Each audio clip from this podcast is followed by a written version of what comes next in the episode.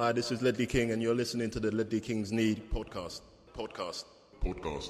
Podcast. Ledley Kings knä, Konsekvent, inkonsekvent Ledley Kings knä, Det bästa som någonsin hänt. Ledley Kings knä, Du kommer aldrig bli dig själv igen min vän. Ledley Kings knä, Här flödar hybrisen.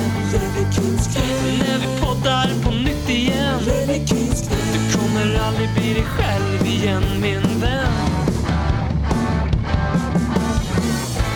När eh, värmen från årets första riktiga solstrålar träffar mig när jag kanske sitter lutad mot en varm vägg, mars, april kanske, då brukar jag tänka så här, nu har jag hela härligheten, hela sommaren, allt gött framför mig. Värmen och solen gör comeback efter ett slaskigt och mörkt stålbad av höst och vinter och vinterkräksjuka och hetsiga reklamblad om januarirea på saker som jag redan har. Precis så den här härliga känslan om att allt härligt är framför mig.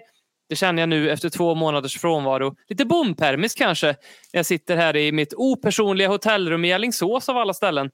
Antagligen så finns det mer eh, spermafläckar på överkast, väggar och tak än vad jag kan se. Men det skiter jag i, för nu är jag äntligen tillbaka i den svenska amatörradioteatern Lellekins Kings knä. Det får mig att vilja ställa mig upp och skrika Vamos! Robin heter jag och för dig som inte känner mig så var jag med i den här podcasten upp till alldeles ganska nyligen när jag tog ett litet kort break. Um, och med mig för att dra ballen över gruset den här veckan så har jag ingen mindre än min trogne katedermästare, den irländska kattälskan som nu mår mer, bor i Sveriges soligaste stad. BM, hur är läget med dig? Eh, Det är bra, men först måste jag, jag måste bemöta lite myter om Karlstad. Eh, Jaha. Att det är mycket sol i Karlstad, det stämmer ju inte. Det har fan regnat eh, konstant sen. Det, det var, har varit sol två dagar nu, första gången på sex veckor tror jag. Mm. Eh, Och sen eh, har jag jobbat fram ett nytt smeknamn på dig som är en, en passning till, till en annan ikon som var lagets viktigaste spelare och, och som bara drog på bondpermis. Men jag tycker inte att Alingsåsmannen låter lika flashy som Florida Man. Utan det låter mer som någon som går runt och, och skjuter folk eller flashar gamla tanter på gatan tyvärr.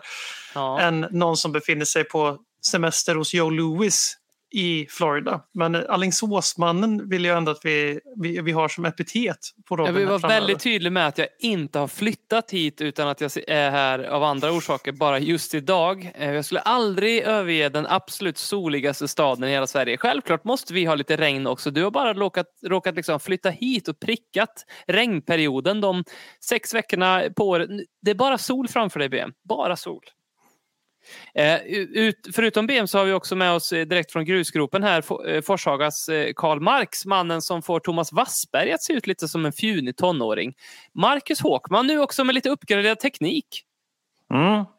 Det händer mycket på två månader. Ja, verkligen. det- Inte bara att skägget växer utan eh, tekniken växer inom mig också på något sätt. Där. Jag skulle säga Jag, så här. jag tror att det här är min största bedrift som lärare. Ja, Att Håkman sitter här utan min handledning. Sitter här med micken framme i skägget i stort sett. Och Mm. allting bara flyter på. Ja, men vi har gjort den här podcasten i åtta år. Och någonting som vi har ständigt återkommit till det är ju din totala oförmåga till att ta till dig teknik. Vilket ju är en väldigt charmig egenskap, måste jag säga själv, tycker jag. Eh, det ju det- det- varit, när vi har gjort de här live-grejerna så har det alltid varit Håkman kommer in, det är rundgång, det låter som att du sitter... Det, det, det är nästan svårt att få så dåligt ljud som, som du har fått många gånger i den här podcasten. Men så helt plötsligt när du ringer in idag så sitter du där med en mikrofon. Och jag och BM tappar hakan. det gjorde ni verkligen. Det var det bästa ljudet tyckte jag någon sa också utav er. Var. Ja. Det stämmer, det stämmer. ja, men det kan väl alla lyssnare intyga här också att det måste väl vara så att Håkman har det bästa, bästa ljudet av oss tre Ja, idag. ja. Ja, ja det, det, det kan bara gå ut för efter detta. Så så här. Det är kanske nu jag pikar i någon form av tek, teknisk liksom, ja, livscykel. Du Så kanske är den här dagen Holtby. 12 oktober 2021. Eh, Du gör en assist mot Fulham och det, det, det är vad du åstadkommer liksom. Men du hade Ja. fan en assist mot Fulham. Ja, eller, eller ett inhopp med Fulham mot Tottenham. Vem gjorde det? En svensk spelare. På Björn, tal om pig. Runström. Exakt så. På tal om Fulham då så att säga. eh, På visste White Hart det Lane också var det. För Var att eh, han har spelat i Hammarby. Ja, det är faktiskt enbart därför. Eh, på tal om 12 oktober, Lelle King, King fyller år idag. Eh, vad, vad känner ni för det? Det, det säger ju någonting att jag inte har aning om. Alltså han är ju legend men samtidigt jävligt anonym. Eftersom inte Ja. jag visste det. Det kanske säger mer om mig också. Är inte det liksom bilden av Ledley King? Legend Kan men många anonym. födelsedagar i Spurs menar du eller? Nej men är det någon man borde kunna så är det väl Dan eller? Ja, kanske. Ja. Ja, eh, jag visste eh, faktiskt om den här. Eh, Jag får ju chansen här att framstå som superkreddig. Eh, det är ju nämligen så att ett av mina husdjur fyller också år idag. Eh, och när, man väl, när ett husdjur föds så gör ju veterinären en uppskattning då hur gammal de här krabalterna är. Eh, och då får man ju välja ett datum sen. Så att vi har Billy Bob, han heter inte så, men jag har honom anonymt. Så att han inte får massa stalkers här nu ute i media. Men han är ju då född 12 oktober. Ett Otroligt. år efter podden grundades. Och sen har jag den andra som är född på Norges nationaldag. Eh, Så jag förlorade en, en strid mot frugan som jag faktiskt berättade för idag att det var ingen slump. Det var ingen slump att vi valde 12 oktober. Eh, Och sen så kan jag säga sanningen att när jag såg tråden på Tottenhams Twitter idag så fattade jag inte. Först blev jag, lite orolig att någonting allvarligt hade hänt med Ledley eftersom det var liksom en hyllningstråd till honom. Jag tänkte, Mm. nej, fy fan, det får, inte- det får inte, det han får inte blivit ja, dött i en olycka eller någonting. Det här, det, det, jag fixar inte det. Alltså jag scrollar snabbt ner på Twitter och ser att han fyller år. Eh, Så att eh, jag, jag erkänner här då, eh, sent om sidor att jag hade inte den blekaste aning att mannen vi har döpt den här podcasten efter fyller år den 12 oktober. Ja, men, ehm, det, det är ni båda två fullt ursäktade, det tror jag alla lyssnare också tycker. Um, till mångt och mycket har det blivit att, att jag reflekterar ganska lite över att Ledley Kings knä jag tänker väldigt sällan på att just den här podcasten är döpt efter honom. Det är nästan som att vi har tagit uttrycket Ledley King från honom på ett sätt. Alltså, eh, Ödmjukt. Ja, men, ja, men ja, ja. Alltså, när jag hör Ledley King då tänker jag på podden, inte, inte spelaren i första hand. Men det är också så att jag är en av grundarna här. Alltså, jag, vi har gjort det i åtta år så att det är klart att eh, jag har konsumerat vår podd mer än, han. Tänk Men då vad tänker jag sjukt lite- det är. Tänk vad sjukt det är om det går någon Tottenham-supporter där ute som nu när de hör de här raderna på riktigt Mm. bara vad fan, är, är den här podden döpt efter en Tottenham-spelare? Ja, men det är inte omöjligt. Det är inte omöjligt, för så gamla så- börjar vi bli, mina kompisar. Men i, vad heter? Underkänt för mänskligheten. Ja, men, vi, kan, vi har men väl hör- snart vi har väl snart gjort mer matcher än vad Ledley King har gjort i Tottenham med an, antal inspelade poddar. Så någonstans är väl kanske vi då mer Tottenham än Ledley King då, eller är det det också någonstans? På tal om Det är ödmjukhet. otro- otroligt intressant eh, vinkel på det hela. Eh, Kommer ni ihåg när eh, kontot London Youth Games på Twitter. London Youth Games är ju så allt, något som eh, infaller årligen i London. Det är typ 100 000 utövare i massa olika idrottsgrenar i åldrarna typ 7 till 18 eh, samlas i London. Eh, en stor grej för att få ungdomar att sporta mer. Jättestor happening, liksom, påkostat event av Londons stad. När de skrev till oss på Twitter för de trodde att vi var Ledley King. Vi fick ett direktmeddelande. Hi Ledley, I, I hope you're well. Uh, I know that you probably have a lot to do but could you send us a little video message for the, this London Youth Games? It would mean a lot. Och, så här. och det hamnade i vårt skräpfilter och vi svarade inte på det. Så Fan, vi skulle antagligen skickat en video. ja, antagligen så blev det ingen video det året och så satt någon social medieansvarig och sa "Nej, han han har inte svarat Ledley King alltså. Nej, fan, jag fick inte tag i han. Och det är vårt fel. Jag skulle skickat en, bild, en video på Håkman och han springer i snön med skägget. Och bara, hi, hi guys. Det är Håkman från uh, Deje. Och eh, jag tycker ni ska alla ha det bra här i London Summer Games. Ja, Så sticka milen på 37. så ja. Du avslutar bra i alla fall. Eh, 323 matcher spelade Ledley, Kings, Ledley King för Ledley, Tottenham. Eh, han Var du på väg att säga 323 Ledley Kings knä där? Ja. Ja. Eh, Han eh, gjorde 323 tävlingsmatcher för Ledley King, Tottenham. Eh, Och vi har ju definitivt spelat in mer än 323 produktioner. Så kanske inte allting har förev- förevigats med ett avsnittsnamn. Och vi räknar ju avsnitten. Vi är ju lite selektiva där. Arkivet exempelvis så skriver vi inte 273 Ledley Kings knä utan det är arkivet. Mm. Och vi har gjort här, äh, jag, jag, jag är beredd att skriva under på att vi har gjort fler minuter i Tottenham än Ledley King. Som Mm, spelare än Ledley King då. Det är ändå härligt att vi liksom uppmärksammar Ledley King på det här sä- sättet på hans födelsedag. Att vi pissar lite på honom tycker jag. Det tycker jag är förenligt med vår podds natur. Ja. Eh, något annat som jag tycker är kul är att vi har supportrar från andra lag som lyssnar på den här podden. Eh, Ison är en sån. Han håller på Chelsea och han har skickat in en liten kul anekdot som svar på er diskussion för ett par avsnitt sen. om motiverande och peppande citat. Eh, något som Håkman, du helt i enlighet med din profil avskyr som pesten, alltså motiverande citat. Då. Eh, han skriver så här, apropå kylskåpscitat och floskler för att peppa. För några år sedan spelade vi seriepremiär med division 5-laget jag spelade för. Vi var favoriter inför seriestarten. Vi torskar med 5-1. Vår assisterande tränare säger efter matchen, det var tur att det inte var ett krig idag, för då hade vi varit döda nu. Ja. Det är fint. Ja, så då ska man uppskatta livet lite då. Ja, ja. Second chance in life liksom någonstans där. eller? Ja, ja, ja. Ja, har, ni, har ni, Parallellen alltså. för Division 5-premiär. Det är tur det inte var krig boys för att ni är dött idag. Långa poddar, Spurs. den lite mixade säsongsinledningen har, har fått många Spurs-supportrar att fundera över vad, vad klubben egentligen vill. Eh, många supportrar undrar vad styrelsen och klubben anser är viktigast. Är det att sälja hamburgare på matchdag eller anordna NFL-matchdagar? Eller är det den sportsliga framgången för Tottenham Hotspur som är viktigast? Och med bakgrund till det här så ville Tottenham Hotspur Supporter Trust, som ju är ett supporterfackförening kan man säga, som har haft en relation med klubben i många år. Ehm, de, de vill ha ett möte för att diskutera klubbens strategi eh, på, på medium till lång sikt. Något som klubben då declinade. Eh, varför tror du, BM, att de inte tog emot eh, supporterfackföreningen, klubben? För att det här var en intern eh, dispyt, konflikt, frågeställning och ingenting som fick nationell eller internationell uppmärksamhet som ESL. Och för att klubben eh, efter att ha plikttroget utsett den här eh, supporterrepresentanten i, inte styrelsen, men i styrelsemötena eller vad det nu var, som alla eh, Escape E5 eller vad vi kallas nu. Eh, de här klubbarna som försökte bryta sig ut från Premier League. Eh, gjorde. Där i och för sig Tottenham, som jag minns rätt nu, var ändå den som fick mest att säga till om. Eh, till rösträtt och sådär. Eh, men det är väl det enkla svaret att eftersom det här inte får den uppmärksamhet som, alltså utanför, för det är, då, då behöver man inte göra någonting åt det.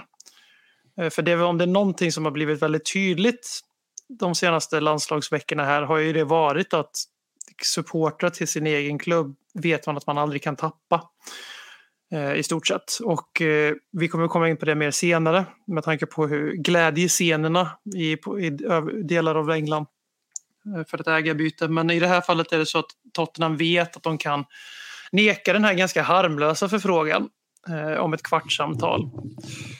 Eh, eftersom att det kommer inte få några konsekvenser att de gör det. För de har inga skyldigheter till skillnad från svenska fotbollsföreningar att stå till svars för de har inga medlemmar. De har, eller förlåt, de har medlemmar men medlemmar har ingen rösträtt. Även om det är skitviktigt att vara medlem och stötta klubben för att annars är man inte en proper supporter och sådär. För att varför ska man inte bara hänga pengar i någonting som inte behöver lyssna på dig för fem jävla öre? Utan det är, det är klart att du ska vara betalande medlem ändå och godkänna allting tyst. Precis som alla de här kramarna som låter diktatoriska regimer om runt om i världen löpa vidare så har vi gjort den parallellen också. Mm. Som vi kommer komma in på lite senare. Vad har hänt med den här fanrepresentationsgrejen egentligen som kom ut? För det kom ut i samband med Superligan att Tottenham eh, ja, men la ut ett eh, väldigt eh, jag vet inte vad, hur jag ska, vilket adjektiv jag ska använda för att beskriva det. Man la ut ett blogginlägg på sin hemsida där man bad så mycket om ursäkt och, och, och sådär. Och, och som en av grejerna vi har lärt oss av det här så ska vi ha fanrepresentation på våra styrelsemöten. Har, har vi hört något mer om det? Finns, sitter det med supportrar? Vet vi det? Har de ens tagit tag i det eller sagt bara att de skulle göra det utan att... För det är ju lite knepigt att inte det har kommit ut mer om det. Mer kritik mot om det inte har skett också. Mm. Jag tänker någonstans har det inte kommunicerats utåt att för hade en sån, om vi inte har missat det någonstans nu, att det sitter en supporter, vad nu de definierar som den supportern. Det är det också. Ja. Vad är den supportern hos dem? Mm. Det är kanske inte den supporten jag tänker på som ska sitta där, vem det nu är, men utifrån någon form av mall. Eh, Men har man nu satt den supporten där så tror jag nog att- de har varit väldigt pigga på att kommunicera ut det. Mm. Och de har satt en supporter som de tror många andra skulle känna identitet till och en samhörighet med. Mm. Då är det naivt att tro att de inte skulle kommunicera ut en sån, en sån um, inofficiell, good, bra PR för dem. Så eftersom de inte har gjort det så tänker jag antingen är det en supporter som vi kanske inte känner va?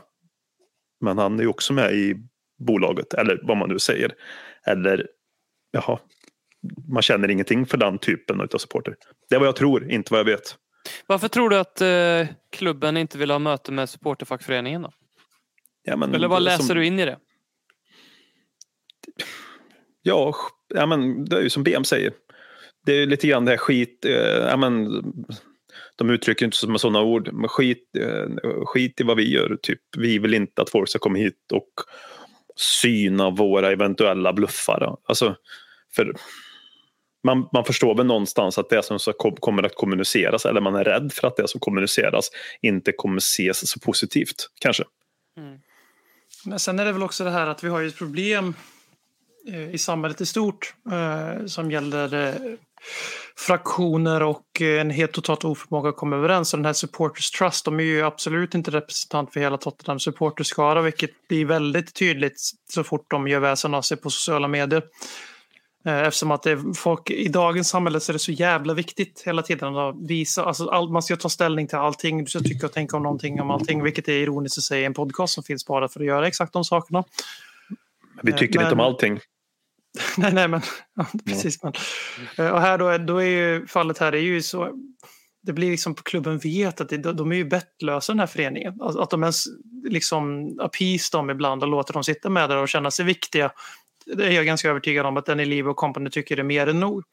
Jag kan inte på rak arm säga om andra Premier League-klubbar eh, gör på samma sätt eftersom att jag är totalt ointresserad om vad andra Premier League-klubbar gör i det stora hela. När det kommer till sådana här frågor. Men det är bara liksom det är så lätt på grund av att vi kör söndra härska i allting. Det är alltså någonting så, o, någonting så harmlöst som vilken jävla tv-spelskonsol som är bättre än den andra så tar folk läger och gör det till en, alltså en del av sin identitet att tycka vad är bäst, Microsoft eller Sony. Eh, och det är liksom, sociala medier har verkligen fört fram att det är alltid stridsställningar som ska tas. Eh, Vilket jag kan inte tänka mig något mer meningslöst eller mot, motvalsigt, regnigt eh, uppförsbacke uppdrag att ta på sig än att vara en, för, en, företrädare för Tottenham Supporters Trust. Eh, med tanke på att ganska många tusental Tottenham-supportrar satt och eh, skrek efter befrielse från Mordor här. Så, ja, men eh, det som också måste sägas tycker jag det är väl att det är lite alarmistisk reaktion. Det här är lite, vi var ganska kritiska mot TOST eh,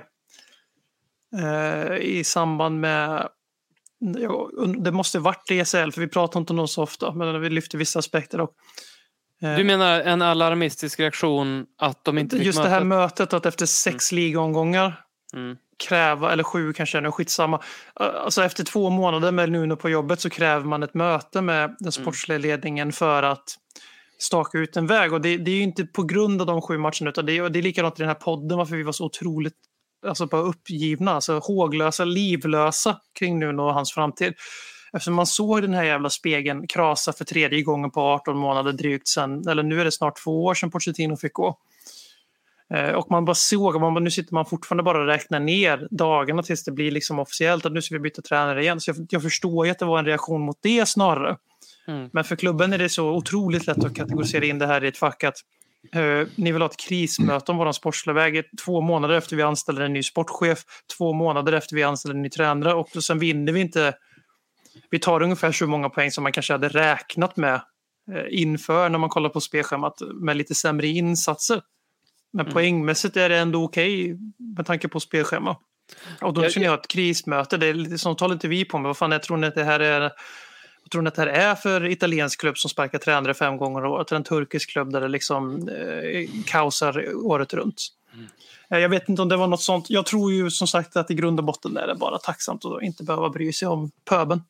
Ja men precis och det är ju där jag kan också tycka att det är lite väl alarmistiskt att eh, som supporter eller som TOST nu att säga vi fick inte mötet, oh my god, vi blir nedtryckta i skiten, de skiter i oss. Alltså det, det kan vara lite för dramatiskt eh, här och nu. Och sen är det ju sådär att eh, tyvärr så, så kan ju inte supporterfack kräva när som helst dygnet runt. När, alltså nu vill vi ha ett möte med er. Det skulle aldrig funka i liksom affärsvärlden att Eh, eh, vilken förening som helst kommer och sa hej nu vill vi ha ett möte med ert företag och vi vill veta er strategi. Så här, nu, jag, jag gillar ju att separera liksom den vanliga affärsvärlden från fotbollsvärlden för jag tycker att supportrar ska kunna ha en, eh, en facklig, eh, en motsvarande liksom fack som, som för en sån här diskussion. Och jag tycker det visar snarare på att Tottenham inte har skött det här bra med relationen med fansen, att det blir en reaktion på det här. Eh, hade man skött det bra, då hade det liksom funnits inplanerade möten över en tid. Man hade gjort det man hade kunnat för att informera om vår strategi. Nu handlar det om att inte mötet kommer överhuvudtaget. Eh, och det blir massa konspirationsteorier som kanske är bara onödiga. Hade man förekommit det som klubb, då hade man liksom kunnat bjudit in till samtal och varit tydligare med vad viktigt man tycker att det faktiskt är att ha en dialog med fansen. Någonting som man kanske tycker är viktigt men som kanske man fallerar på att utföra. Liksom. Eh, så det tycker jag också man ska man ska hur svårt är det att bara ha ett möte och säga Ja. klyschorna och flosklerna och kylskåpscitaten och sen inte göra ett skit av det man har pratat om. Mm. Alltså det, det, är ju, det, det, det är ju självmål på självmål på självmål senaste åren i Tottenham med allting där man kan pusha ett starkt narrativ, ett positivt narrativ om Tottenham så lyckas man på något sätt att pusha ett negativt narrativ istället. Och det här är ju ett väldigt oskyldigt exempel i det stora hela. Men som du är inne på, det är ju det det är. Det är ju en vattendroppe i ett ganska fullt vattenglas med missnöje Mm. eh, som eh, säkert håller säkert inte Newcastle-supportrar med om det här men de här tre senaste åren så tycker jag att stämningen kring Tottenham börjar sakta men säkert röra sig upp mot de nivåerna med missnöje mot eh, Mike Ashley, Newcastle och- och Inik är på väg dit. Här på ett sånt där ypperligt tillfälle med den här strategin du eh, ropar ut som är så jävla enkelt att bara säga att man ska göra de här grejerna för, för skojs skull. Eller för syns skull menar jag.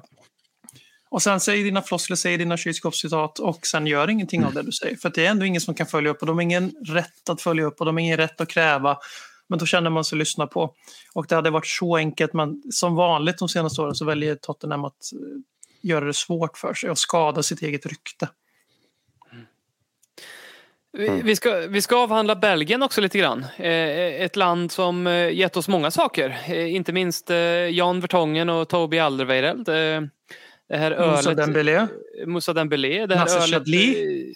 Ja, Nasser Chadli. Michel Veur, nej Mich- han är nej. nederländare va? Mm. Ja. Ehm, Vad är skillnaden på Belgien och Nederländerna och Holland och Nederländerna? oh. Ställ den frågan till historiepodden istället eller någon annan folkbildande podd och inte den här eh, hybris eh, åsiktskorridorpodden Lelle Kings knä. Jag är helt säker på att någon av våra lyssnare kan ge ett kort och succint svar på vad skillnaden mellan Nederländerna och Holland är. Ja, gör det. Ehm, det har väl något med regioner att göra antar jag. Men Eh, ehm, Tweeta 1 Marcus HK man 79. Do that. Holland. ett år äldre än Lelle King, Marcus Håkman. Bara där är ju mer Tottenham än han. Tror du Lelle King ringer in på Skype-möten och sånt med en sprillans ny, eller sprillans ny, men en fräsch och härlig mick från tid till annan?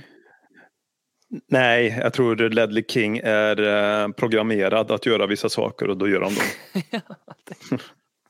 Och då gör han dem jättebra. Men han skulle aldrig, han skulle aldrig gå till en elektronikaffär och hitta en mick och testa dem. Utan den ska stå på bordet framför honom och sen så levererar han.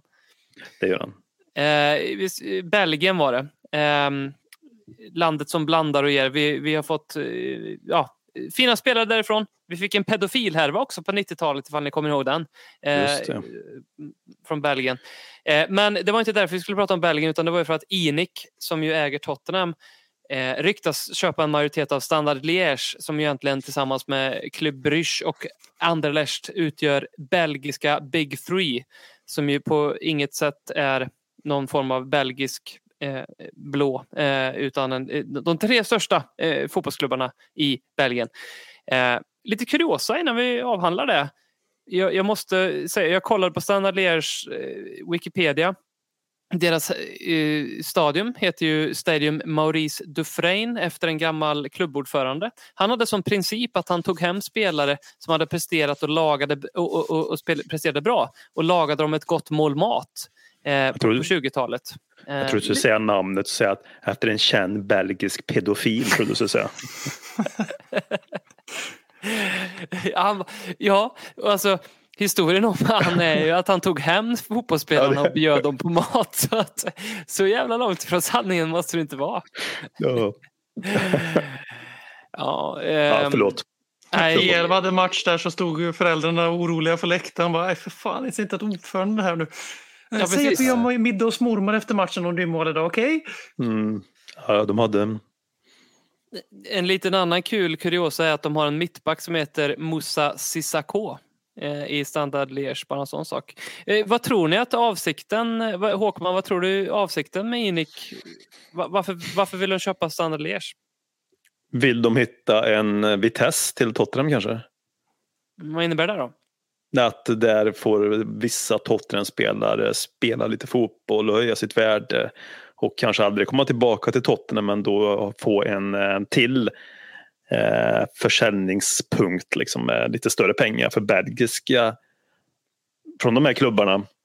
Mm. så kan de säljas för rätt bra pengar om de lyckas och gör bra ifrån sig. Så det tänkte jag någonstans, för det finns ju annars, vad finns det för intresse? Jag har lite koll på belgiska ligan rent ekonomiskt, det är inte Premier League med alla de pengarna som kommer in där. Så det, det är väl ett sätt att, att ehm, ja, bolla vidare Tottenham-spelare tänker jag först och främst. Jag tror inte de byter klubb från Tottenham till Stana Liège och sen säger de nu har vi ett nytt, nytt projekt vad det händer. Och nu tar vi hand om dem.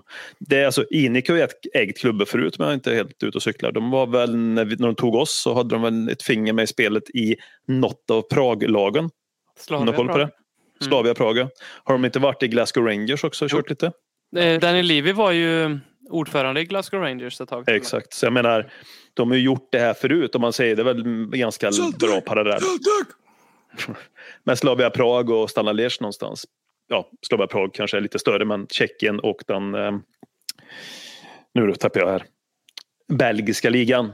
Mm. Jag tror mer att det är, det är så först att det handlar om. De har gjort det förut. De har en erfarenhet av att äga andra klubbar i andra länder i liknande nivåer. Men framförallt om de har kvar Tottenham så tror jag att det är en Vitesse-övning. Är tanken i alla fall. Eh, Vad, vad tror du Robin? Tror, tror det kan vara... Också. Alltså att Förlåt, sa fasttvätta man värvar spelare för de nya reglerna med Eh, Brexit och eh, allt vad det är så är det ju en poängskala med vilka spelare som får gå till Premier League utan ett, EU, eller utan ett europeiskt pass eller vad man fan ska säga nu för tiden. Eh, Och det är ganska svårt. Du kan inte direkt värva en argentinare som direkt från Argentina hur som helst längre utan det är ju massor med staplar och kriterier med landskamper och tävlingar i olika värde och bla bla bla bla bla. Eh, Lite mindre ligor har ju eh, mindre restriktiva kvoter och eh, regler för sånt där just för att det är enda, deras enda sätt att- eh, att konkurrera. Mm. Så jag kan se att det blir en Vitesse-övning i det, även i det utfattningen att Tottenham värvar spelare från andra kontinenter och lite mer spännande, unga, lovande talanger som man inte hade fått värva eh, på grund av Brexit-reglerna och sen eh, köper de till Standard Liège istället och sen om, om de skulle bli något så, så får de istället eh, dundra in i Tottenham då, eller sådär. Och Jag tror vi gjorde något lika med Siki Friars för ett gäng år sedan när vi köpte, vi inte ville betala solidaritetsersättning till Manchester Mm. United. Så att vi på ett mystiskt sätt så hamnade han i en belgisk klubb ett halvår och sen så dök han upp i Tottenham och vi behövde inte betala en pund till Manchester United. Eh, Så det, det, det är lite det är modern fotboll i ett nötskal, det är business. Eh, det är ju inte riktigt motsvarigheten till att ha ett farmalag som man har i nordamerikansk hockey. Eh, men det är väldigt likt. Eh, och vi ser sånt här i svensk fotboll också nu när allsvenska föreningar upprättar samarbeten med ibland till och med superettan-klubbar för att sätta sina talanger i seniorfotboll och elitfotboll. Och alla konkurrensfördelar är väl bra förutom de dåliga. Och jag har svårt att gå igång på det här. Det är ingenting jag kommer lägga i in out-stapeln. Men samtidigt också någonting så här som man bara, ja, ser väl kanske inte någon enorm sportslig vinning i det här direkt. För att det ska väl mycket till för att vi ska hitta nästa Lionel Messi i Newell, Newells Old Boys. Placera honom i, i Standard Leash och sen plocka in honom och bli en världsstjärna i Premier League. Eh, men eh, det är väl vad det är. För att citera en filosof, en engelsk sådan. It is what it is. Det beror ju lite på vad avsikten är. Om avsikten är att stärka Tottenham som vi, ni har varit inne på. Att kunna låna ut spelare, även tränare. Jag menar Ryan Mason kanske åker och gör en säsong i standard. Det är ju bara honom till en bättre tränare. Eh, och spelare, alltså Troy Parrott skulle säkert må skitbra av det. Scarlett också, alltså så. Eh, och kunna plocka talanger. Men jag tycker inte att man helt kan utesluta att det här kanske är en indikation på att Inik eh, tänker på ett liv efter Tottenham. Att man säljer Tottenham snart. Man ser det i någon form av pipe. Och då vill man ta över ett nytt lag för att bara helt enkelt göra ja, men ungefär som de här eh, Draknästet på SVT nu. Liksom.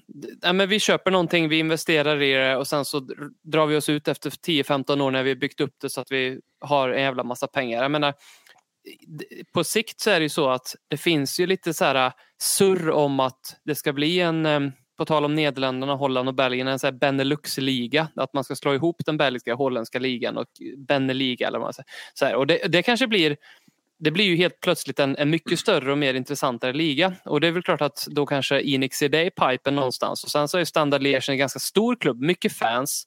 Och så har man också precis fått bygglov för att bygga en ny arena. Och jag menar, det har ju Enik all erfarenhet av hur man gör. Daniel Levy Arena.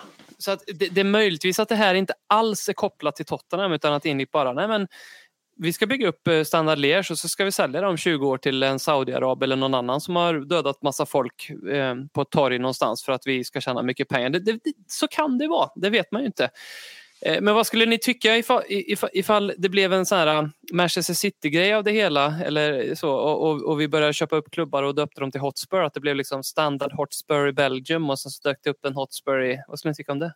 Som City Football Group eller Rasenball Spart.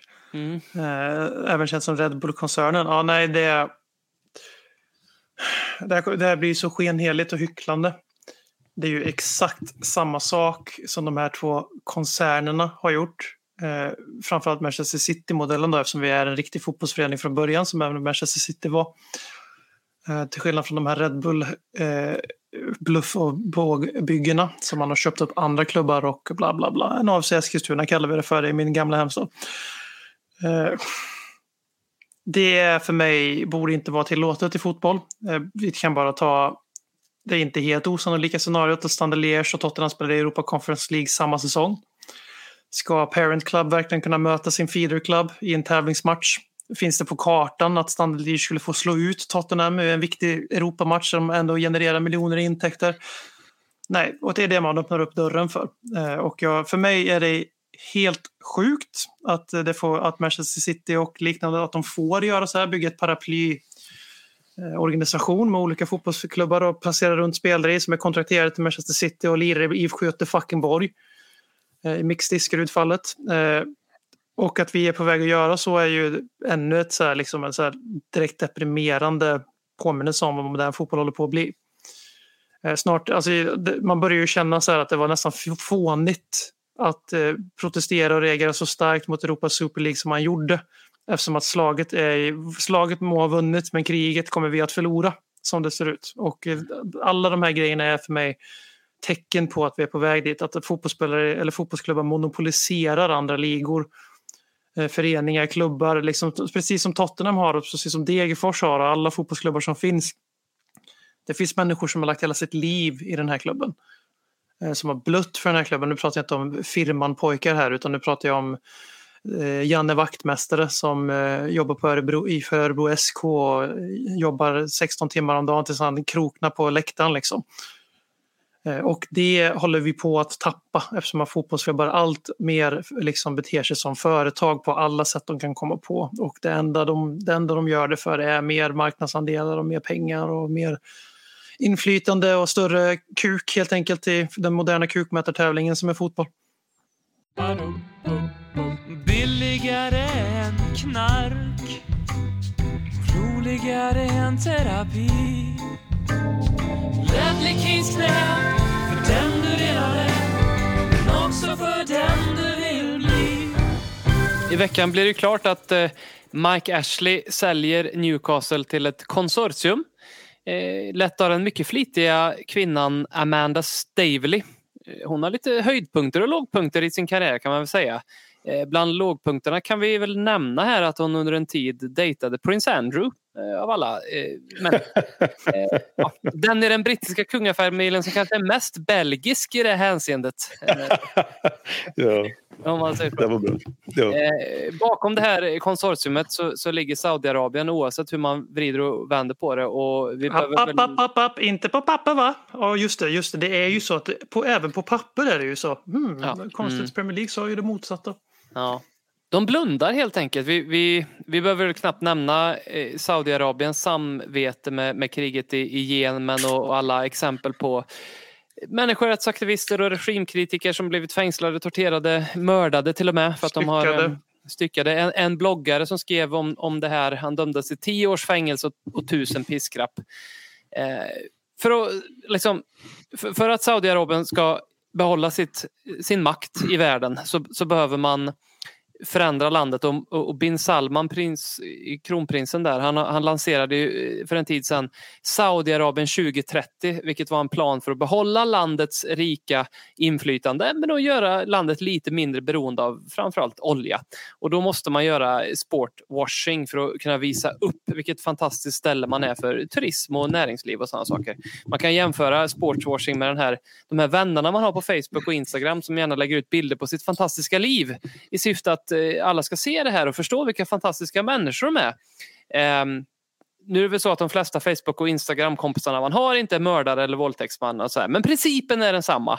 Saudiarabien har enligt en rapport som publicerades tidigare, tidigare i år lagt en och en halv miljard dollar på sportwashing inom allt från hästsport till Formel 1 till tennis och till och med schackspelare. Eh, bara en sån sak.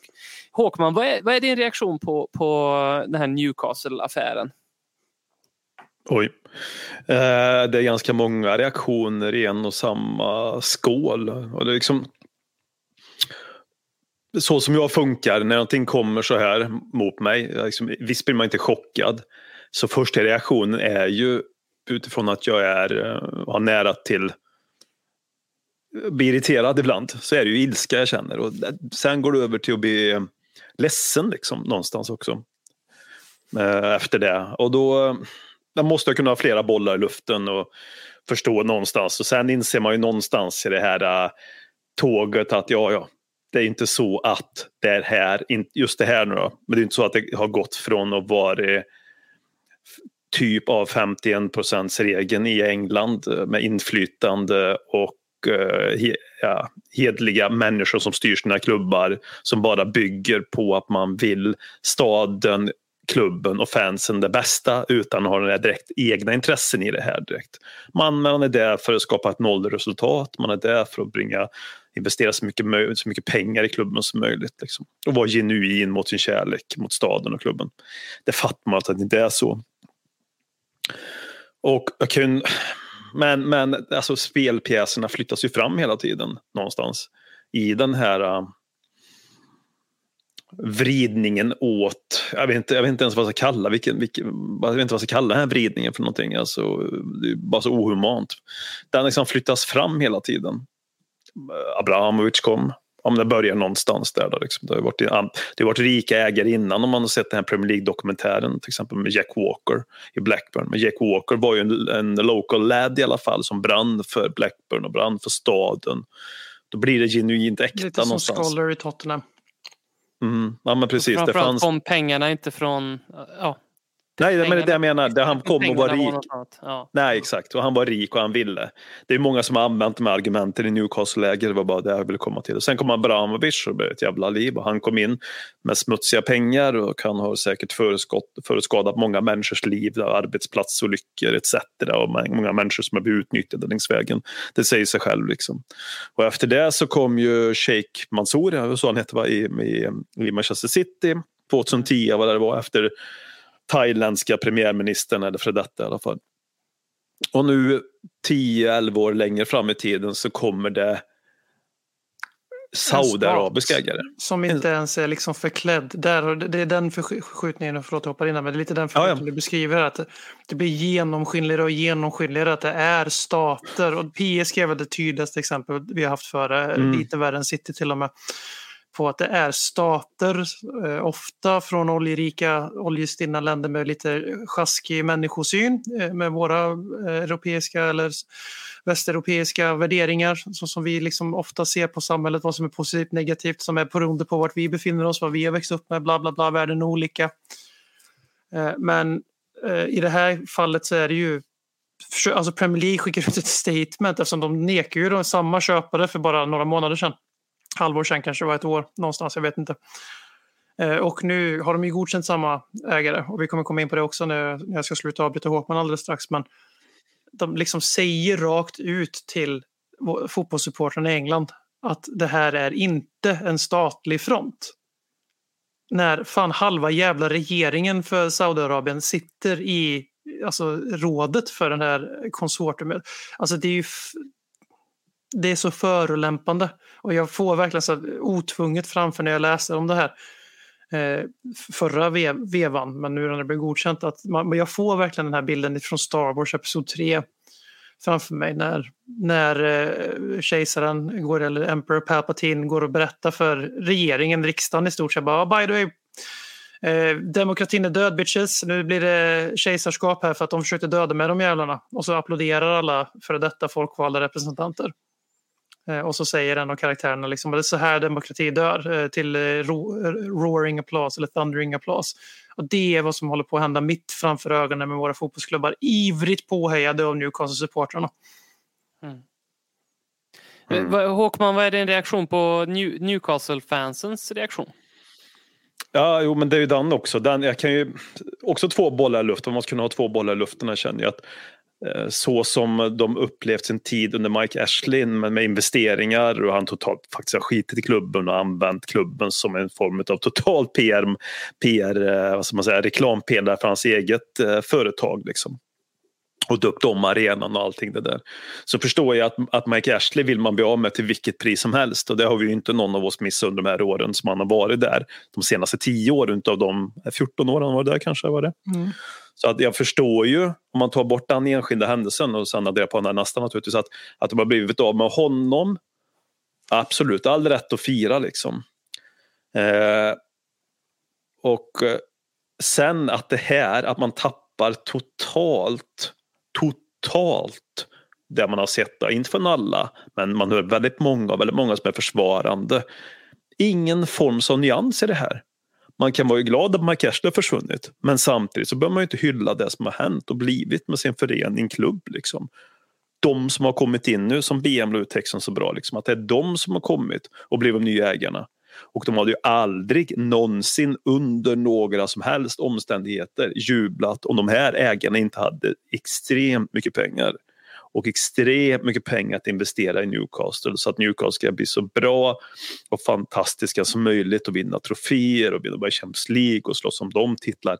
Det är ju det det bygger på. Det är en muta och de har svalt mutan med hull och hår och tappat liksom sig själv i det här.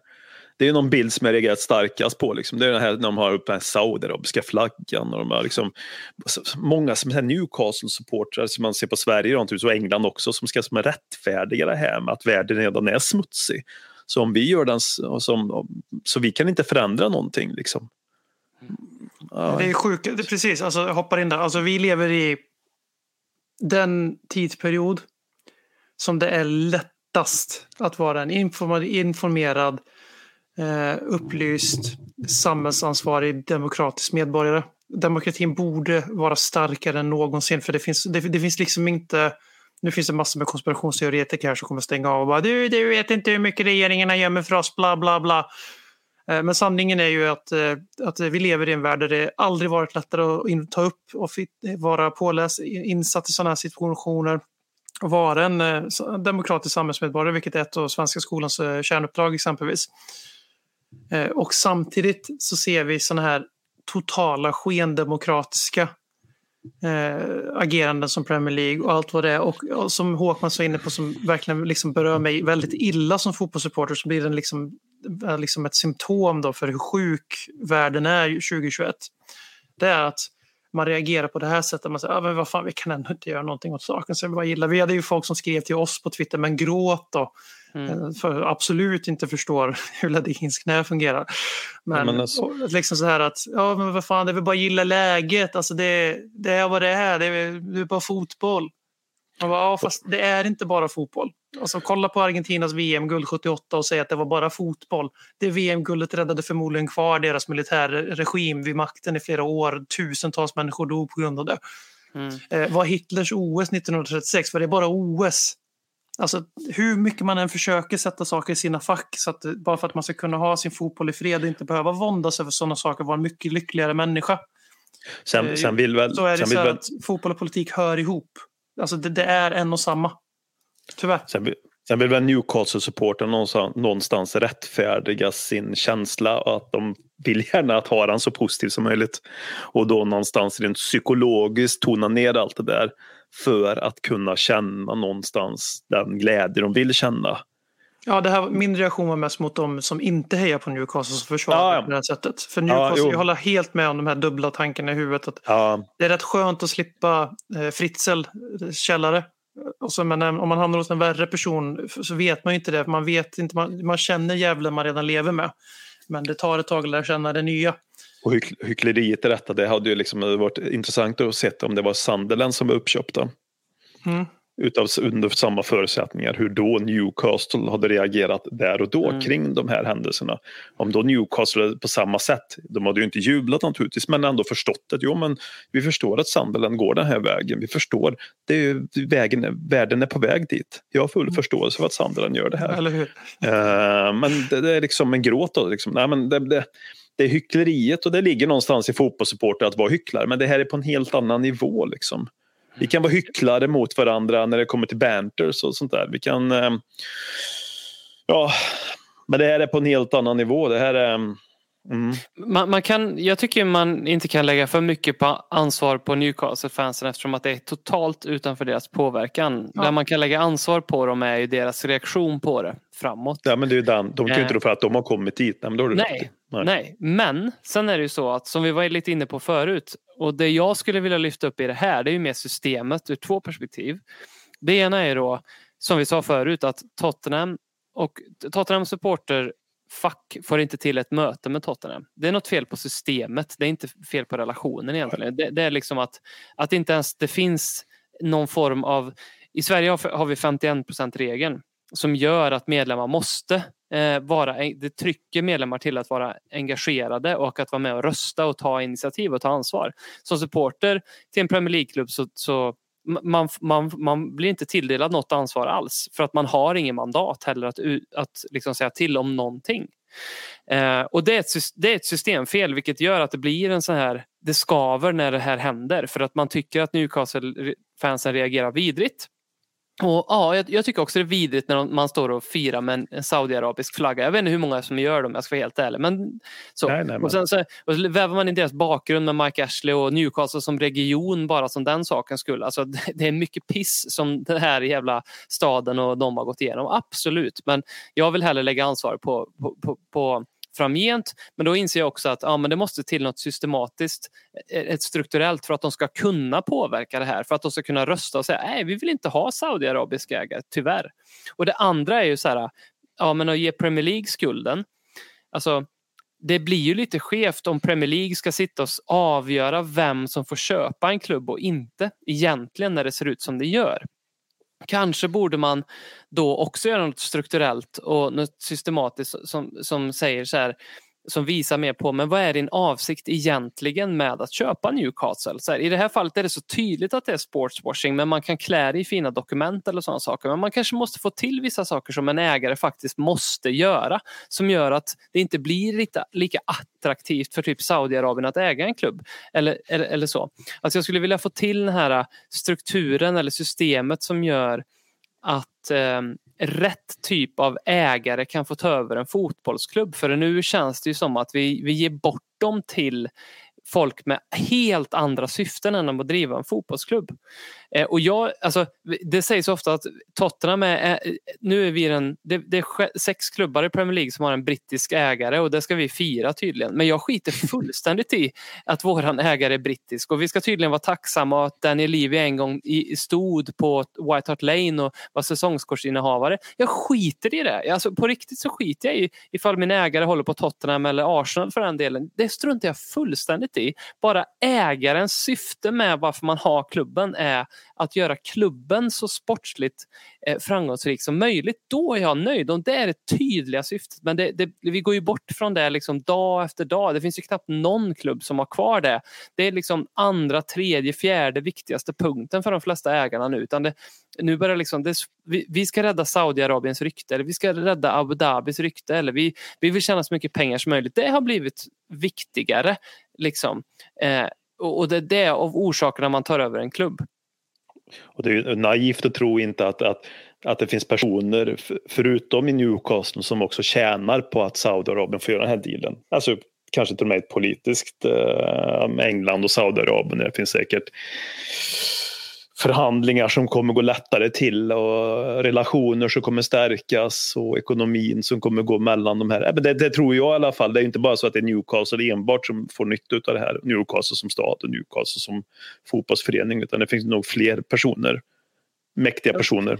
Ja men det, Newcastle är ju en politisk schackpjäs mellan Qatar och Saudiarabien i det här. Ja, absolut. Ja. Alltså det var ba, bara för några år sedan, eller för några månader sedan, eller och år sedan tror jag, så ville ju Saudiarabien köpa Newcastle. Men då var det väl något strul med, jag har inte detaljerna här, men med sä- sändningsrättigheterna. Men som, det, var, det har jag här och det är ju så enkelt då att eh, eh, Saudiarabien bannlyste den katariska Be- Bein Sports, eller vad man säger, Bein Sports eh, på grund av deras disputer mellan varandra. Och eh, Bein Sports brukar råka vara de som sänder Premier League i regionen.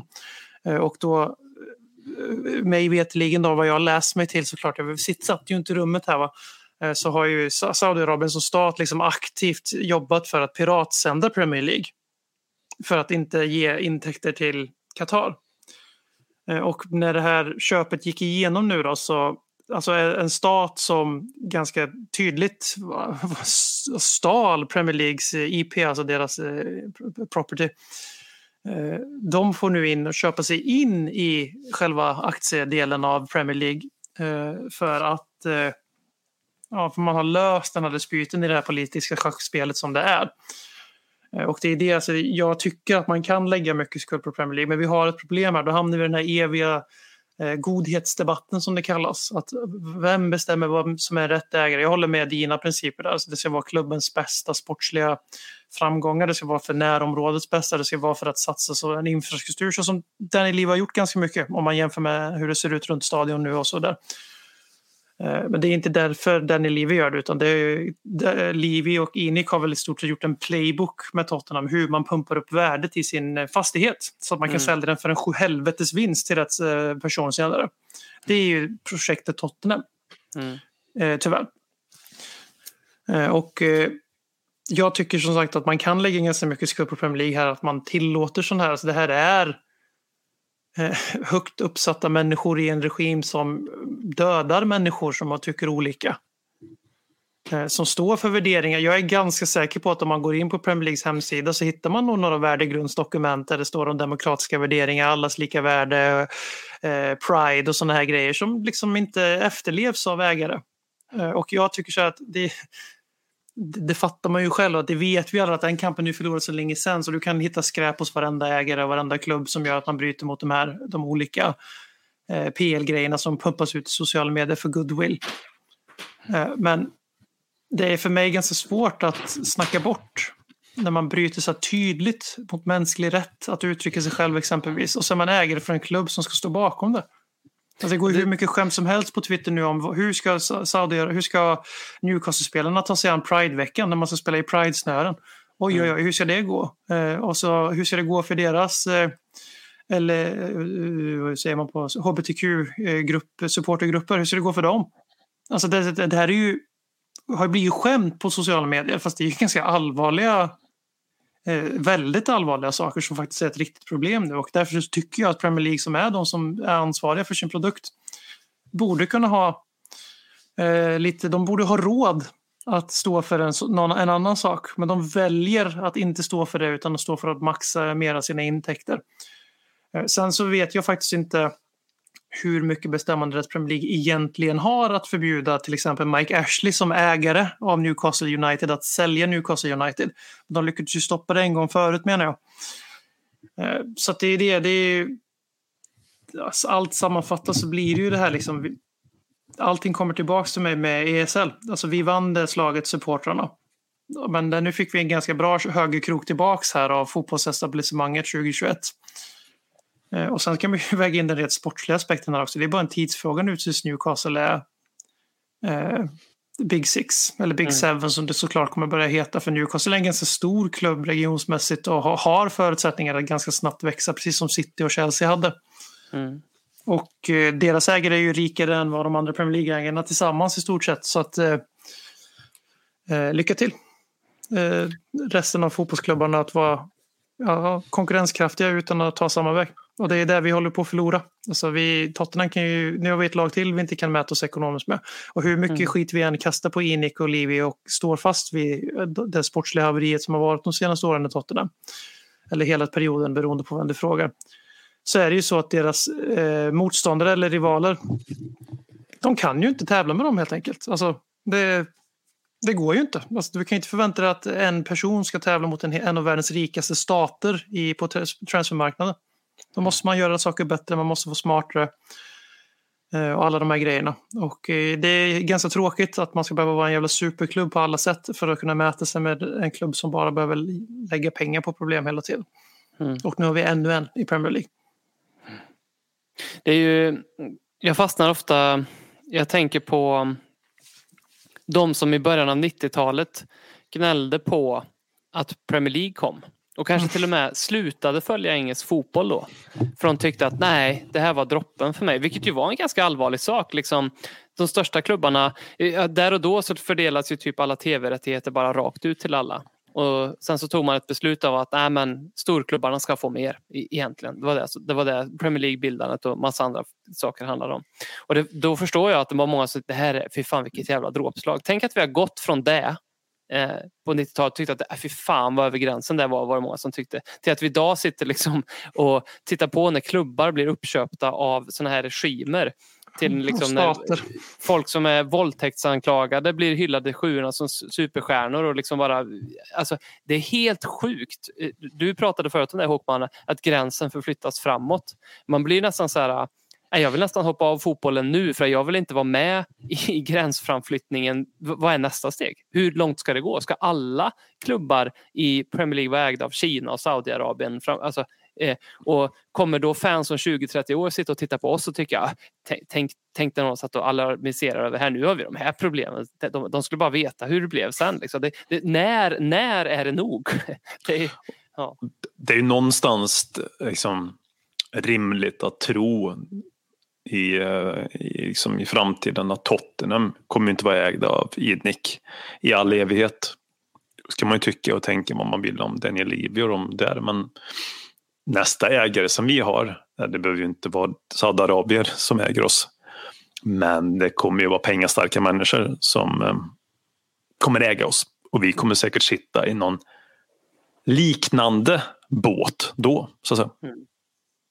Alltså, det blir spännande att se vad som händer med den här podden den dagen vi får saudiarabiska ägare och se vad hycklande vi är och hur vi försöker att försvara att Jamal Khashoggi kanske var lite väl hård i sina texter om den saudiarabiska eh, kritiken. Vi, vi, men det tar vi lite senare. Eh, nu tar vi ståplatsfrågan lite snabbt här innan vi eh, rundar av. Och det är ju egentligen bara, bara er reaktion på det här, tycker jag. Eh, ståplats är eh, på väg tillbaka till engelsk fotboll. Eh, vi är ju tillsammans med typ 6-7 andra klubbar. Eh, ett, eh, eh, några av dem som har räckt upp handen och sagt att vi kan testa det här. Alla som har varit på nya arenan har ju sett de här eh, rail standing tror jag det heter. Eh, det är ju egentligen inte ståplats utan det är ju att sittplats med liksom eh, ja, eh, med ståplatsanpassning så att man inte behöver stå bland sittplatser. Så det det handlar om är inte att man bara helt plötsligt får stå där den förut var sittplats utan att det finns särskilda sektioner eller att hela arenan görs om så att man både kan sitta och stå. Jag tyckte att det var ganska bra på Tottenham Hotspur Stadium. Men vad, hur tror ni att det kommer påverka Premier League och engelsk fotboll att vi får tillbaka ståplatsen? Finns det några risker eller är det bara bra? Nej, men det ser jag väl uteslutet som bra. Att det börjar röra sig mot en mer eh, att världen i England börjar öppna upp sig till den delen igen. Även om man inte är på ståplats som du säger så är det ju ändå ett steg åt rätt riktning och det steget, ja. Mitt i all annan misär vi har pratat om är det idag, den den är ju bra tycker jag. Absolut. Ja, alltså det är ju ett eh, uteslutande positivt experiment eh, för stämningen och för... Eh, man kan säga mycket om Margaret Thatcher men jävlar alltså hennes eh, eftermäle på fotbollen lever kvar ganska länge. Det är egentligen ganska absurt att ligor som säljer klubbar eller glatt välkomnar in människorättsbrytande eh, regimer som ägare. Men vanliga Svenssons får inte, de får fan, eller Smiths kanske man säger, vanliga Smiths får fan men inte stå upp och titta på fotboll. Jag har hört något så jävla dumt. Eh, Men det känns ju också så här, liksom, allting hamnar ju i kontext och det här nu. Eh, Och eh, det är så här bara, oh yay, titta vilken fint litet ben jag fick medan ni frossar på liket och fotbollen där borta. Men Jag gnager på det här benet för det är det lilla jag får och jag är så glad för det här. Och det är tråkigt att det är så jag ser på allting just nu i fotbollen. Men det blir väl så när det har varit en eh, global pandemi och Tottenham har varit skit och eh, Maurizio Pochettino tränar PSG. Det, det är svårt att vara optimistisk men ståplats är, är vi förespråkare för eller Ledley Kings. Alltså jag tänker ju lite grann, det har ju länge snackats om att Premier League är världens bästa liga. Och om vi ska vara helt ärliga, typ för många år sedan så, så här, det var någonting man sa när man höll på Tottenham och Tottenham spelade Premier League men man visste att det stämde inte riktigt att det var världens Nej. bästa liga. Liksom. Men Messi nu, och Ronaldo i La Liga. Ja, men nu undrar man inte fan de senaste åren här om inte det kan stämma ändå att den, det verkligen är den, världens bästa liga. Eh, och jag tänker alltså för Premier League, vad det kan innebära med att man får eh, man får inte bara åka och kolla på de bästa spelarna, de bästa fotbollen utan man får också som turist då, eller supporter den absolut bästa upplevelsen av fotboll man kan få. Alltså som man får typ i Tyskland om du vill åka på riktigt, eller faktiskt allsvenskan för den delen, om du vill vara med på något häftigt liksom rent ur supportermässigt hur man konsumerar en fotbollsmatch så är det ju faktiskt inte Premier League som är bäst just nu. Om inte du åker på någon bortaresa, liksom, eh, bortamatch, då är det Eller det med första minuten på Anfield när till och med svenska kommentatorerna tystnar. Exakt. Ja, men det, det perspektivet är ju liksom Det är ju intressant att se hur det kan, liksom, kanske, kanske kan Premier League ur det aspekten som produkt ta ytterligare ett kliv. Jag hatar att man resonerar så här men det kommer ju antagligen göra. Nu är vi bäst fotboll, bästa spelarna, största klubbarna och den bästa atmosfären på alla våra arenor. Liksom. Eh, slopar man bara det här med att man inte får ta med öl in på arenan så eh, ja, det är klart. Liksom. Det läste jag också att det är vissa klubbar som har utforskat huruvida att, eh, att, att, att man ska få köpa med sig in på sin plats. Ja men det är ju alltså Ja Crystal Palace har väl stått och sjungit ett tag även när man Mm. inte har haft det där i alla fall. Så det, det har ju förekommit liksom och det, är intressant att se vad den där äh, kortsidan blir i Tottenham. Blir det en ehm, Kommer det, ut, det kommer ju ta tid naturligtvis, men kommer det med tid i sådana fall utformas till att bli någon form av eh, engelsk klacksektion? En kurva. Så som, så som, ja, så som engelsk klacksektion och kurvor är och långsidor är som det är mer i England. Så som det är naturligtvis, det kommer jag aldrig vara. Jag vill ju inte heller ha i England en ultras eh, stil. För det är inte engelsk supporterkultur traditionellt. Liksom. Den gör sig jättebra i andra länder tycker jag och jättefin. Liksom. Men i England tycker jag inte att den ska, de ska värna om sin supportkultur med allt vad det är. Och försöka få tillbaka den som det var en gång i tiden. Till exempel med Tottenham eller med andra klubbar. Så, så det blir spännande att se över tid hur det kan hur, hur den då eventuella vår enormt stora också kortsida, hur den kan utvecklas liksom. hur det kommer bli. Kommer folk söka sig dit som också söker efter stämning?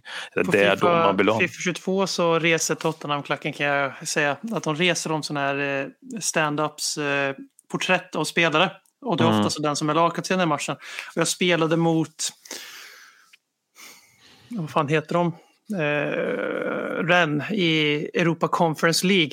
Mm. Då hade man ju roterat laget, va? hade Harry Winks som lagkapten. Och då kliver man in där på Tottenham Hotspur Stadium och står ett eh, gigantiskt jävla tifo med Harry Winks som står med armarna i kors och stirrar ut över sin mark. Och jag bara, det där hade varit det sjukaste och mest- mest brittiska någonsin. För det är fan det enda landet som man skulle ironiskt kunna resa ett ti- gigantiskt tifo när man nu får, om man någon gång får det, över Harry Winks, 17 gubben i truppen. Sen, ska- sen ska inte engelska sporter ha tifon heller känner jag. Men nej, Nej. nej. Jag, jag vill bara påpeka att det, det, var FIFA, det är så Fifa ser på engelsk Ja, ja, jag eh, förstår, jo. Ja, sen, Men, men, men, men, ehm, jag vet, det ska bli intressant att se om det här blir igenom poängen bara hur det, hur det kommer utformas med tid. Om det Mm. kommer bli en, eh, att folk kommer aktivt söka sig dit som vill stå och supporta på det sättet, sjunga och stå upp. För det kommer det inte bli till en början liksom. Men det, det ja. mm. Men Och- vi måste ta det här. På varje match. Mm. Vi, Ja, men- vi, vi måste ta det här. Ehm, ni får båda svara. Vi ska alla tre svara. Vilket lag har bäst res, res- respektive sämst stämning på arenan upplever ni i Premier League? BM, vad tycker du först? Som har bäst och sämst. Mm. Jag tycker, om jag ska vara ärlig, jag tycker det är inga engelska lag som har särskilt bra stämning. Eh, Man är lite bortskämd när man kollar på annan fotboll. Eh, Men eh, Crystal Palace gör vad de kan. Jag tycker ofta nykomlingar överlag är rätt Mm. rousy. Eh, Newcastle när de inte hatar Mike Ashley brukade vara rätt bra. Eh, Jag, kommer, jag vägrar säga Liverpool Anfield för det stämmer fan inte. Alltså det, är en av de, det är en av de sjukaste myter jag varit med om att det är så fantastiskt stämt. Alltså nu har inte jag varit där själv så, och det är ju alltid, eh, alltid det lätta motargumentet. Men jag, jag, jag förstår inte vad det menar man ska bli imponerad av. Alltså är man som vi svenska supportrar som är uppväxt i Sverige och sett en del idrott i Sverige. Att ha en inmarschlåt som arenan sjunger, det är liksom mellanmjölk för fan. Det är verkligen inget speciellt alls. De, de, på grund av att de är så upphaussade så lägger jag dem bland de sämsta, vilket inte heller stämmer om man ska vara ärlig. Eh, Och jag tycker uppriktigt att sämst stämning av Manchester City, eftersom de inte har någon. Eh, Och sen så förtjänar Arsenal att nämnas där också, när de inte rövpökar Tottenham. Då, då lät det rätt bra där också. Vad tycker du Håkman? Sämst har väl Arsenal. Det väl by the book sämst liksom. Och bäst, ja. Leeds kanske. Den är bra. Mm. Jag, var också inne, jag hade sagt Leeds eller Newcastle, möjligtvis Manchester United som bäst. Eh, för jag tycker Mm. att... Men de, de tappar ju år efter år. Eh, Men de ska Ja. tydligen ha riktigt bra bortafölje fortfarande. Borta supporterna i England är Ska de bra. ha riktigt bra? Ja, ruggigt bra, Mm. tycker jag. Mm. Generellt. Men Leeds har någonting liksom. Tycker Ja, jag. jag tycker också Leeds har någonting. Eh, och, men sämst är ju, alltså jag tycker ju Arsenal och City är ju de två som jag tänker på. Och även Brighton om jag ska vara helt Ja, ärlig. okej. Det är inte bra Okej, alltså. gå det- ihop mot mitt lag. Gör det bara, era Nej, men jävlar. det är inte... Seagulls! Nej. Seagulls! Alltså, hoppa, Det är den enda vill, ramsan jag vet. Jag var inne lite på, um, nej men fan jag ville säga Burnley där liksom. Men det, det Ja. gick inte. Nej. Graham Potters Blue and White Army. Mm. Nej, vi avslutar med några snabba lyssnarpåståenden slash frågor. Mm.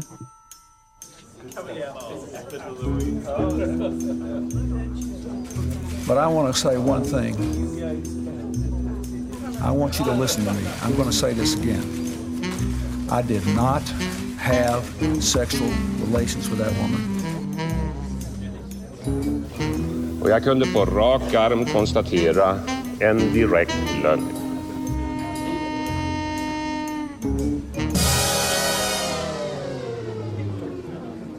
Robert undrar vem den minst sämsta portugisen i Spurs historia är. Pedro Minst. Mendes.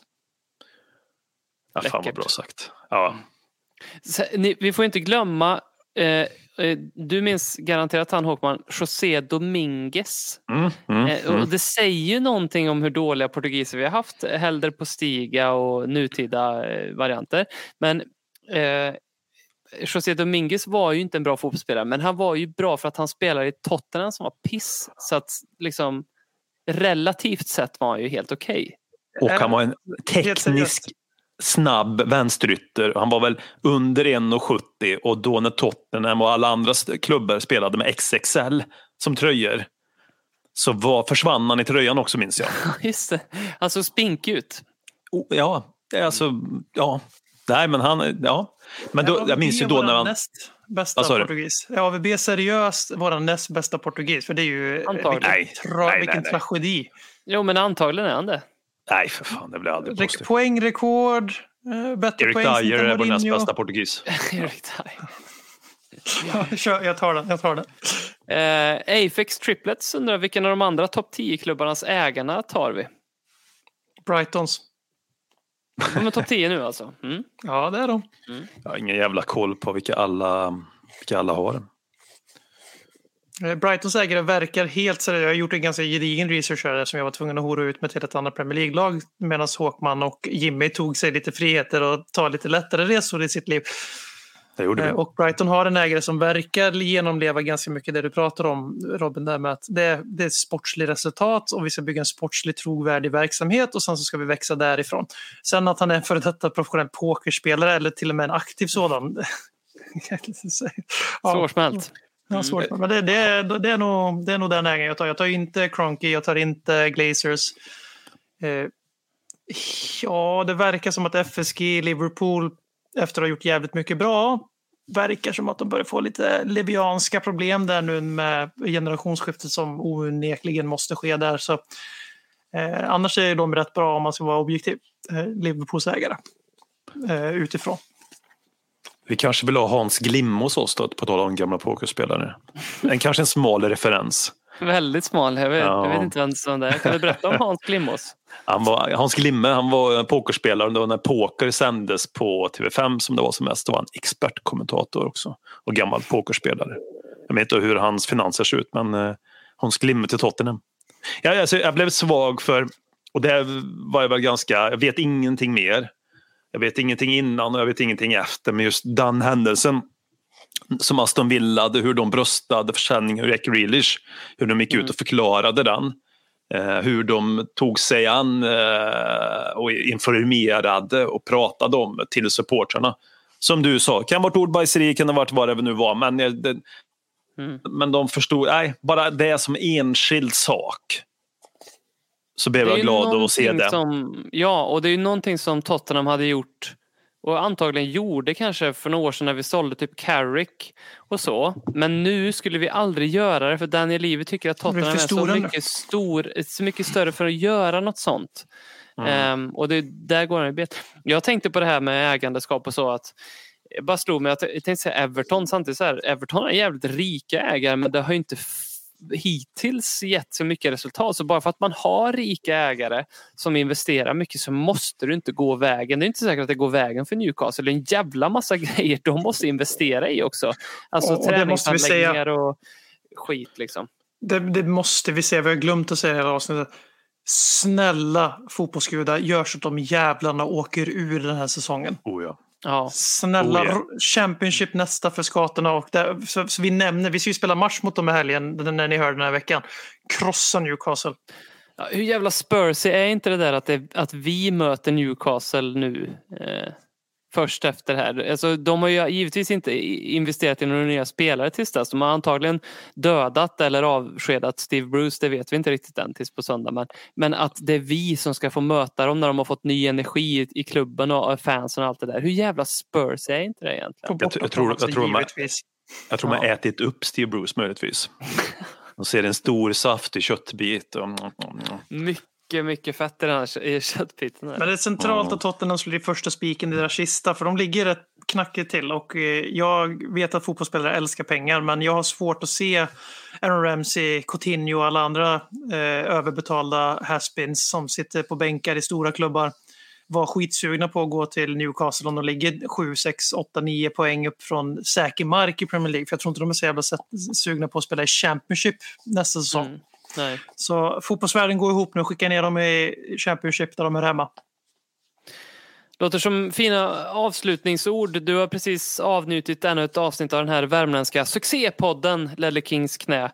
Eh, kom gärna med feedback om hur vi kan bli bättre. Förslag Nej. mottages alltid tacksamt även om vi alltid skickar dem till skräpposten det första vi gör.